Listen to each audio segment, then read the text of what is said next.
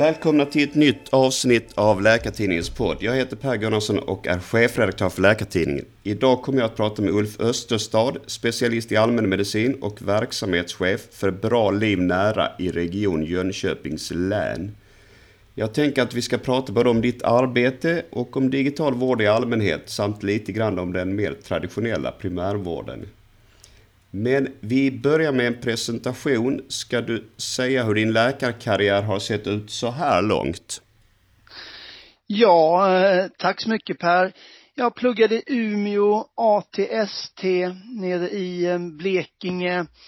Eh, färdig specialist och sen chef först på Rosenlunds vårdcentral och sen 2015 så startade jag och blev chef för Bra Liv Nära då, vår digitala enhet. Och Utöver det, eh, varit fackligt engagerad, varit i SYLFs förbundsstyrelse, varit vice ordförande i SFAM nationellt, eh, tagit över Olle Lyngstams skutkurs för eh, lite drygt tio år sedan, så den kör jag. och ja, jag tror att det sammanfattar väl ganska bra hittills. En riktig allmänmedicinare kan man säga att det låter som. Jag har haft förmånen att få ha jobbet delvis som en hobby, som jag brukar säga. Vad är då Bra Liv Nära för någonting? Ja, det är vår digitala enhet. Jag brukar eh, uttrycka det som att eh, den, eh, den har två delar och jag har två, två jobb i ett så att säga. Den ena delen är ju eh, att, att vi tillhandahåller ett gemensamt utbud till alla våra Eh, länsinvånare gemensamt från alla vårdcentraler. Eh, och eh, den andra delen är eh, att jag ser mig som sorts lokalföreståndare för våra digitala lokaler där jag försöker få alla verksamheter att flytta in så mycket som möjligt. Eh, och att eh, stötta dem på olika sätt. Och så naturligtvis så försöker jag få, få det här att gå ihop så att patienterna ska få en så bra vård och upplevelse som möjligt alldeles oavsett om deras chef eller vårdcentral är jättelite eller jätteintresserad av att flytta in. Så kan man säga. Mm. Och om man utvecklar det hela lite grann, innebär det att det finns en grupp läkare som jobbar i denna tjänst eller finns det ett system där nästan alla är involverade inom primärvården? Ja, precis. Och då kan man säga att i, i, det, i det gemensamma utbudet så har vi ju sköterskor, läkare, psykosociala team och sjukgymnaster. Och då är det, är det eh, ja, mellan 40 och 50 individer beroende på hur man räknar, tobaksavvänjning och matrådgivning också. Eh, som då eh, jobbar då eh, eh för att de, de vill och deras chefer släpper dem till detta. Eh, och Eh, det, så att det gemensamma, så det, det är inget tvång någonstans utan det är frivillighet för att vara med och, och serva det gemensamma. Men alla har ju koppling till, till vårdcentralerna Bra Liv. Och, och en grundanställning, i, i en del fall timanställning på någon av våra vårdcentraler. Mm. Ni var väl ganska tidigt ute när ni startade detta 2015 i Sverige? Ja, vi var ju faktiskt, om man tar då offentligägd, eh, vårdgivare så vet jag faktiskt ingen annan i Europa och det är svårt att hitta fall i världen så att eh, man tänker att det inte var så länge sedan men det har faktiskt hänt en hel del. Mm. Hur var mottagandet när ni startade detta? Fick ni kritik för själva idén om att man skulle få träffa en läkare på en digital väg? Nej, det fanns ju inte på kartan egentligen utan folk tyckte att det var ett spännande initiativ bara. Eh, de flesta visste inte vad det var för någonting och patienterna blev ju själaglada de få som hittade in. Oj, kan det vara så här enkelt? Så att i den allra initiala starten så var det egentligen inte så mycket. Det var ju egentligen mer sen när, ehm, när de privata hittade ett sätt att jacka på ersättningssystemet. Då, då så blev det mer liv i luckan. Mm tänkte vi strax ska komma till det. Eh, men jag tog en titt i Läkartidningens artikelarkiv och hittade då en artikel där du berättar att i början hade ni ändå lite svårt med att bemanna eh, er enhet. Ja, jo, precis. Jo, men ja, okej. Okay. Ja, det är klart att utvecklingen har inte varit linjär sedan 2015. och det är klart att eh, i, det var ju de mest eh, trogna, det var ju eh, kollegor och ehm, eh, chefskollegor som hjälpte till och bidrog eh, så att eh, det var ju svårt att få någon allmän spridning på det och det var ju så ehm, ganska länge och, och, och, jag var runt och pratade med alla. Sen så började så småningom luckras upp och då kom en del så här i smyg. Men du Ulf, jag är intresserad men, ja men jag vågar inte ta dig i den stora gruppen men jag tror att du och jag kan prata lite grann. Så att så började det ju faktiskt där. Och sen undan för undan så lossnade det. Mm. Sen har vi då den frågan att de privata etablerade sig och det var väl 2016 eh, om jag minns rätt, i din region. Ska du förklara hur, hur starten av det här var och vad det sedan ledde vidare till? Eh, ja, alltså du tänker på själva ersättningssystemet? Ja, precis. Ja, men det var ju så att egentligen före vi började så hade ju ingen egentligen haft några digitala samtal, så det fanns ju inga definitioner för det och inte för oss heller, så vi prövade oss fram bara och och vi hittade ju ett sätt att definiera det egentligen mötet och det var egentligen ingen stor grej för rent ersättningsmässigt så hade vi ju vår vårdpeng. Men det är klart, eh, det här eh, att man kunde definiera mötet gjorde ju att eh, en del aktörer använde sig av utomlänstaxan. Det var, mm, det var min doktor som började som hade ett samarbete med Vätterhälsan här i Jönköping och då så, och då var det ju så att man kunde Eh, ni vet, eh, eh, om man bryter benet uppe i eh, fjällen eller man har stuga på Öland så, så fick man extra mycket betalt per besök och det var egentligen ingen som hade några synpunkter mot det. Men nu så att säga så satte man det i systematik så att även om man satt hemma i sin soffa och den som skötte vården var någon annanstans i Sverige så var allting kopplat till en fysisk vårdcentral i Jönköping. Och på det sättet så tvättade man besöken om man får säga då lite fult. Och um, Kry som vi hade som plattform först eh, eh, när vi, eh, när vårt avtal löpte ut efter ett år och de bytte affärsmodell och blev vårdgivare istället, då kunde de också köpa in sig i Jönköping och sen Sen så blev det ju så att Sörmland öppnade upp och sänkte så det blev och, och ja, och, och resten är ju historia. Mm. Och man kan säga det som skedde med Sörmland var ju att det eh, inte fanns någon patientavgift då inom primärvården där, vilket gjorde att flera privata aktörer kunde gå över till att erbjuda gratis läkarbesök digitalt ju. Ja, precis. Det var olika så fick de väl höja till en hundralapp och fortfarande tror jag att Stockholm har mest förmånligt vad det gäller eh, psykologbesök. Så det finns ju Mindler till, till exempel utgår från Stockholm. Så att, så att nu, nu är det ju mer en flora så att säga där man då, där inte systemet har hängt med riktigt i utvecklingen. Hur ser du på den här stora debatten och också stora kritiken som har kommit både från läkarkåren och annat håll mot de privata digitala vårdgivarna? Ja, alltså man får väl dela upp det lite grann att jag tänker att eh, eh, på ett sätt så är det naturligtvis är det ju politikerna som gör detta möjligt och det är klart och då, eh, och då är det ju så att eh, en sak är ju att eh, politikerna tycker att det går för långsamt hur vi ställer om i den vanliga vården. Och det är också flera av medborgarna som gillar att söka vård på det här viset. Så det är klart att innan vi har ställt om så har de ju snörpt ner men så tror jag inte att de helt vill så att säga dra undan mattan för de privata. Så att så, det tror jag är bevekelsegrunden för dem. Och det är klart de privata vårdgivarna de utför ju vård eh, och eh, ibland så tycker jag faktiskt att det blir lite orättvist för dem också. För det är ju så att strama gör ju att eh, de säger att man ska inte skriva någon antibiotika och Försäkringskassan säger att man får inte sjukskriva. Och, och faktum är att de privata är väldigt duktiga på att just följa det här. Det vill säga de får inte göra någonting. Och då säger de så, bra vi får inte göra någonting, då gör vi ingenting.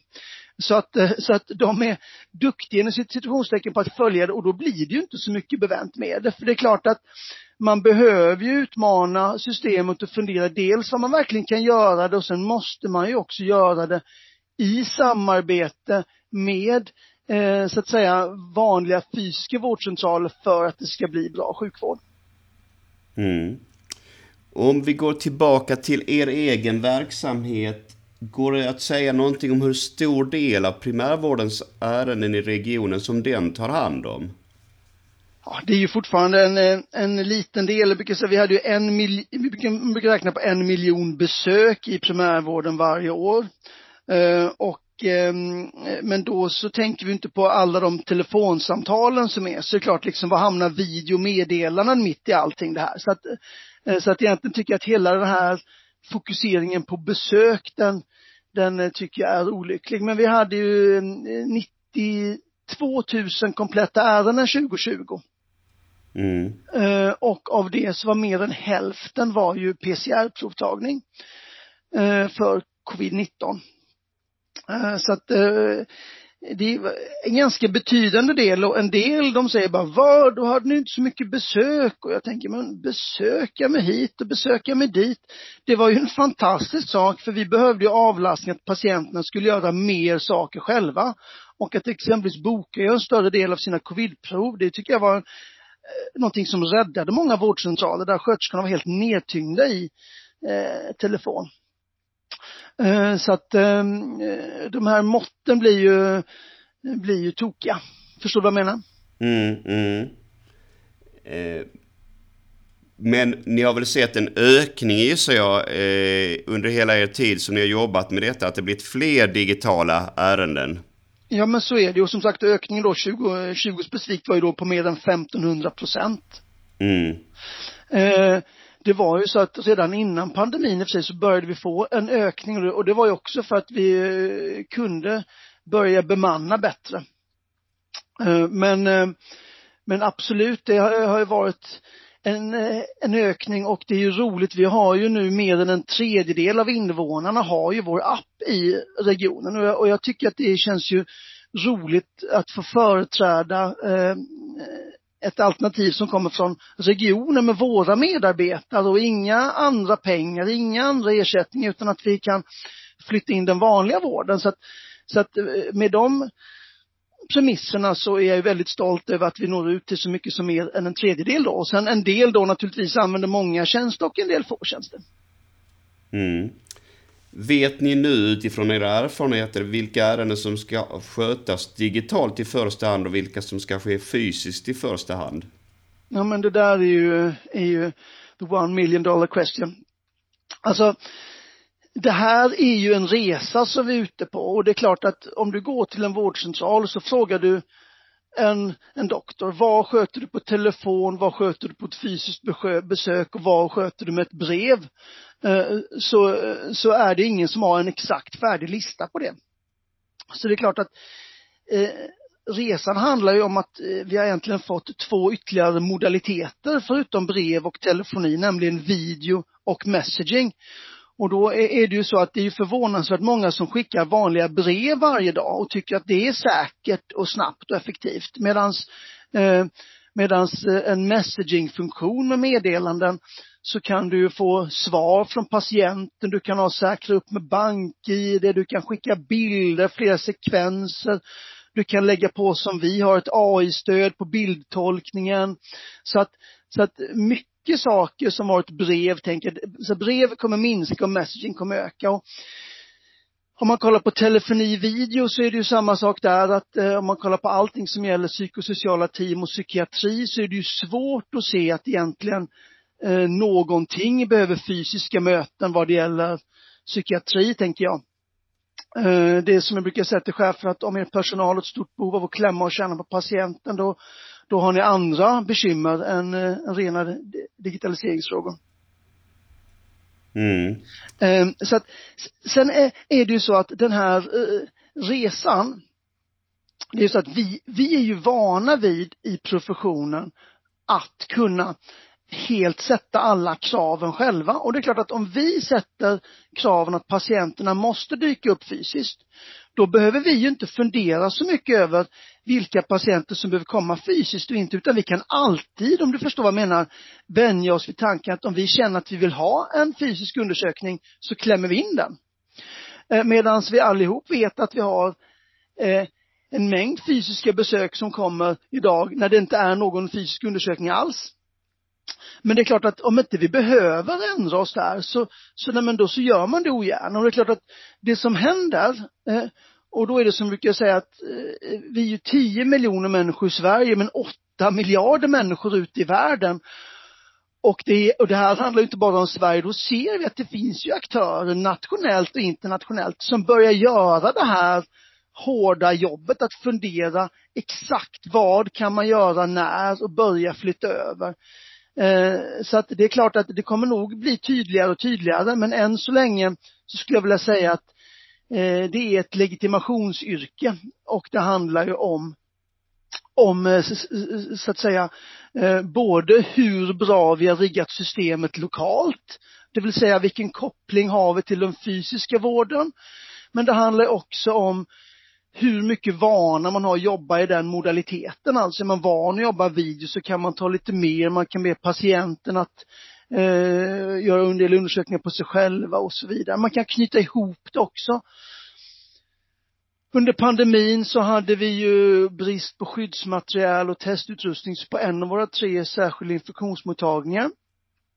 Då hade vi en sköterska längst fram i full skyddsutrustning som tog saturation med poxpromenad och så kombinerade vi det med video och lyckades då få väldigt många slutförda ärenden. Så att, så att de som vill ha det här enkla raka svaret med en Excel-fil, tillstånd ja, nej, eh, de gör det ju lite lätt för sig.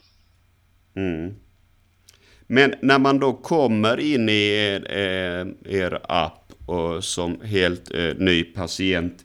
börjar det då med någon form av triagesystem eller kommer man direkt till en levande människa? Mm, men det är bra. Ja, när man kommer in i appen, då så beror det på vilken ingång du har för sig att du har en vårdcentral som du kommer till ofta, då kommer du till deras sida. Men annars så kommer kom man in i det gemensamma utbudet och det är också så att om det då är eh, kvällar eller helger så kommer man till det gemensamma utbudet. Och då kan man säga att nivån på sortering eller förberedelse avgörs ju mycket av vilka volymer det är frågan om. Då kan man säga att i det gemensamma utbudet, där vi förhållandevis då eh, har lite större volymer, då har vi som man kommer för de flesta ärenden genom ändå en anamnes och triagemotor. Så mm. då kan man säga så att, så de får då svara på frågor och ladda upp bilder och efter det då så kommer de vidare till någon. Men beroende på hur stort utbud du har, säg att du är en vårdcentral som bara har en från psykosociala teamet som lägger ut tider och du kanske har tre tider i veckan. Då blir man ju bara förbannad om man ska sitta och fylla i en massa frågor och sen får man välja på tre tider från en kategori ändå, eller hur? Mm. Så att, så att eh, liksom, vi har tre olika nivåer. Den första nivån är att man bara outar tiderna. Den andra nivån är att man har eh, ett eh, att man kan välja på att lägga på frågor och eh, sortera beroende på ingång. Och den tredje nivån är anamnes och triagemotorn och beroende på eh, liksom hur stor volym i utbudet det är som patienten söker så är det olika nivåer man landar in på. Mm. Okej. Okay, ja. Hur tror du då att er verksamhet kommer att fortsätta att utvecklas? Ja, eh, det är jättesvårt. Jag, jag tror och hoppas att vi kommer flytta mer och mer in på den va, i den vanliga vården. Vi har ju något som vi kallar för flygledartorn som vi kört på en vårdcentral där vi, där vi försöker få patienten att ta del av vårt digitala erbjudande. Vi har haft en under våren och nu har vi tolv vårdcentraler som vill börja med det till hösten av totalt 33 stycken. Så att, så att jag tror och hoppas att vi kommer eh, se att det, det lokala utbudet blir större och att vi får se att det hamnar ännu närmare verksamheten. För precis som att jag berättade för att det finns olika nivåer så är det ju så att bara i Jönköpings län så har vi otroligt stor variation på utbudet på de lokala vårdcentralerna och mognadsgraden, vilket ju gör att vi måste behöva flytta både kompetensen och befogenheterna så långt ut som det bara är möjligt för att, för att understödja eh, konverteringen till det nya. Så det gör att, eh, att det kommer gå i väldigt olika takt och se väldigt olika ut. Så att om jag får bestämma så kommer vi fortsätta ha det här stödjande ledarskapet och eh, och, eh, få den fortsatta utvecklingen.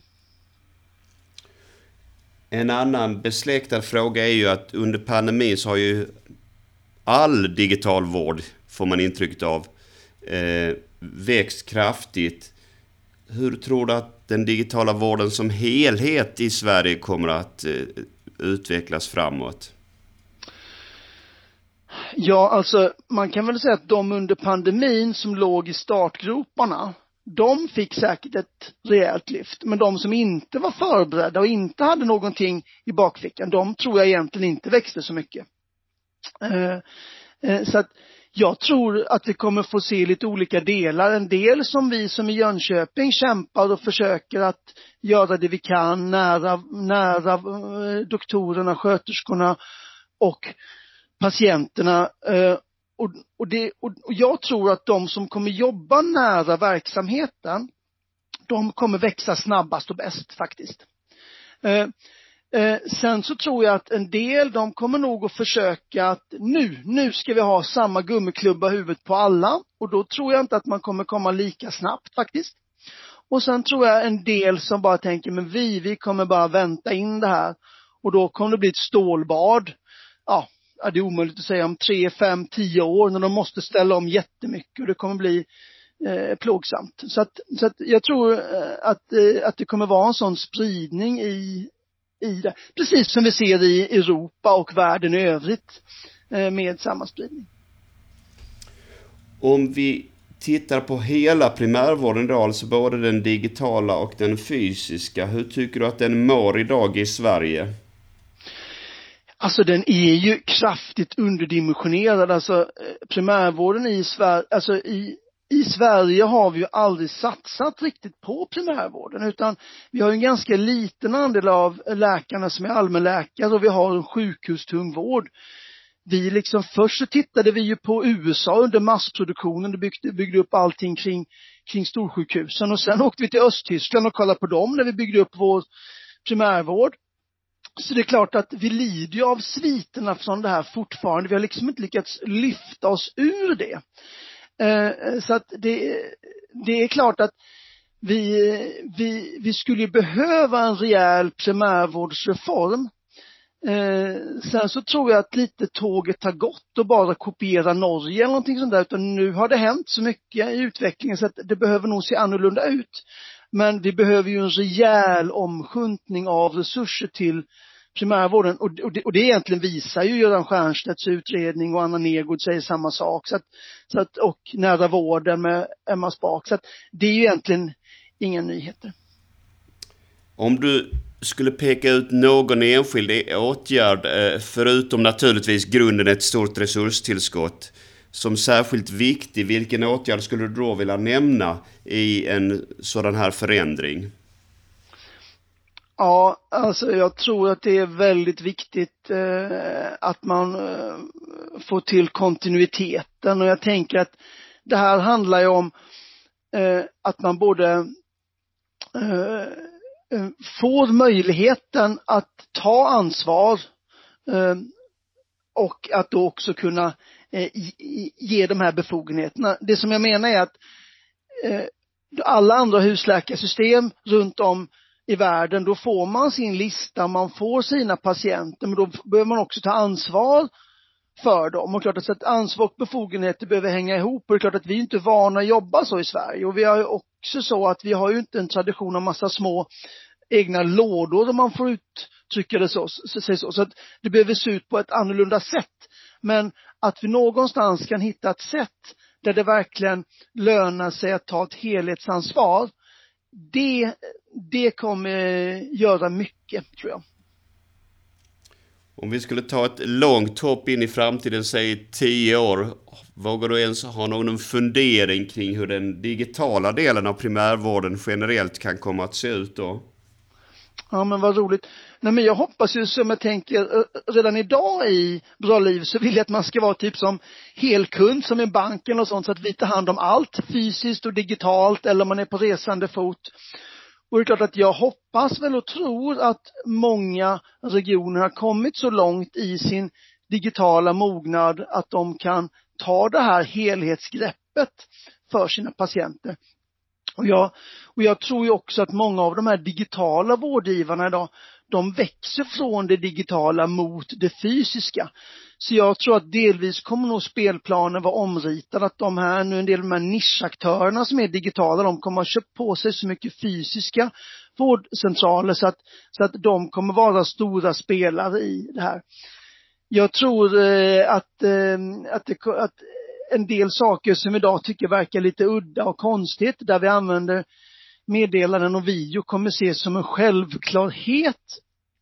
Jag tror det kommer vara svårt om tio år som vårdgivare eh, att ha ett utbud som bara, alltså som bygger i grunden på att man ska ringa först för allt, att inte man kan nå sin vårdcentral med meddelanden eh, dygnet runt, även om inte någon behöver svara det och att man inte kan göra fler ärenden själv och boka enklare saker själv. Um, tekniskt så ser vi ju en del smala AI-lösningar som ändå börjar bli snygga, men de är väldigt smala, där man ju har tolkning av bilder, jag tänker födelsemärken, jag tänker eh, radiologi, eh, där vi, eh, och eh, där kommer vi se eh, mycket stor hjälp. Eh, vi har ju eh, eh, det här med hemmonitorering, där vi har idag många Eh, Eh, landsting som tänker att de ska äga alla prylarna och de ska bygga upp systemen. Men det tror jag de kommer få ge upp, utan vi kommer snarare se en mängd flor, alltså en hel flora av saker där folk har hemma saturationsmätare och, eh, och, liksom, och klockor och telefoner mäter mycket vitalparametrar. Och det kommer mer snarare handla om hur vi i sjukvården kan jacka på det som patienterna har. Eh, och det kommer också göra att vi kan förflytta flytta en större del av vården från det fysiska till det digitala. Mm. Så egentligen en större andel digitalt utförda åtgärder men inom ramen för en och samma vårdgivare som också erbjuder det vanliga fysiska utbudet då? Ja, sen så ska vi komma ihåg att en stor del av förflyttningen också redan skett. Det är ju så att vi, vi mäter fortfarande bara fysiska besök och jag kan bli så irriterad när man säger bara åh doktorerna de gör så lite, de har så lite fysiska besök. När vi förstår att det som idag gömmer sig i administrativ tid, att det är redan så idag att doktorerna kollar på labbvärlden, skriver brev, ringer telefonsamtal, pratar med sköterskor och hjälper patienterna på massa andra sätt än fysiska besök. Så att genom att vi bara mäter fysiska besök så verkar det som att produktiviteten har minskat jättemycket. Medan det själva verket redan är så att vi gör massa saker som inte är med fysiska besök. Det är bara att vi har andra etiketter på det. Så att, så att förflyttningen har egentligen redan börjat. Det är bara det att vi, vi har liksom mätt på så konstiga sätt. Och sen tänker jag också att det är klart att jag också blir förbannad på att ersättningssystemet är så snett. Det är klart att det kommer ju också, det måste ju ändra sig så att det blir annorlunda och det tror jag att det kommer göra. Ersättningssystemet har ju eh, hela tiden gått i vågor och vi har glömt bort att det faktiskt varit tokigt på saker förr. Det är bara det att när det är digitalt så går allting mycket snabbare ändringen och då behöver vi också vara lite snabbare att eh, justera systemen. Hur tycker du då att ett idealt ersättningssystem eh, ska se ut? Ja, du, det här är ju inte helt lätt. När jag var i Svampstyrelsen så tog vi fram Skalmans skola för det här som vi tänkte då där, vi försökte liksom, och då kunde vi ju se att det fanns ingen som hade det ideala ersättningssystemet. Utan Eh, det som vi såg var ju att eh, kapitering behöver ju ha en stor del av det. Eh, och vi behöver undvika målrelaterade ersättningar. Så det är ju liksom två saker som är så. Och det är klart att det får inte vara för tungt att registrera i det. Men det är klart att att man ska premiera helhetsansvaret, det tror jag är, är, är fiffigt. Då börjar det bli dags att avrunda. Stort tack för att du ville vara med och tack till alla som har eh, lyssnat. Om ett tag kommer nästa avsnitt av denna podd. Stort tack Per.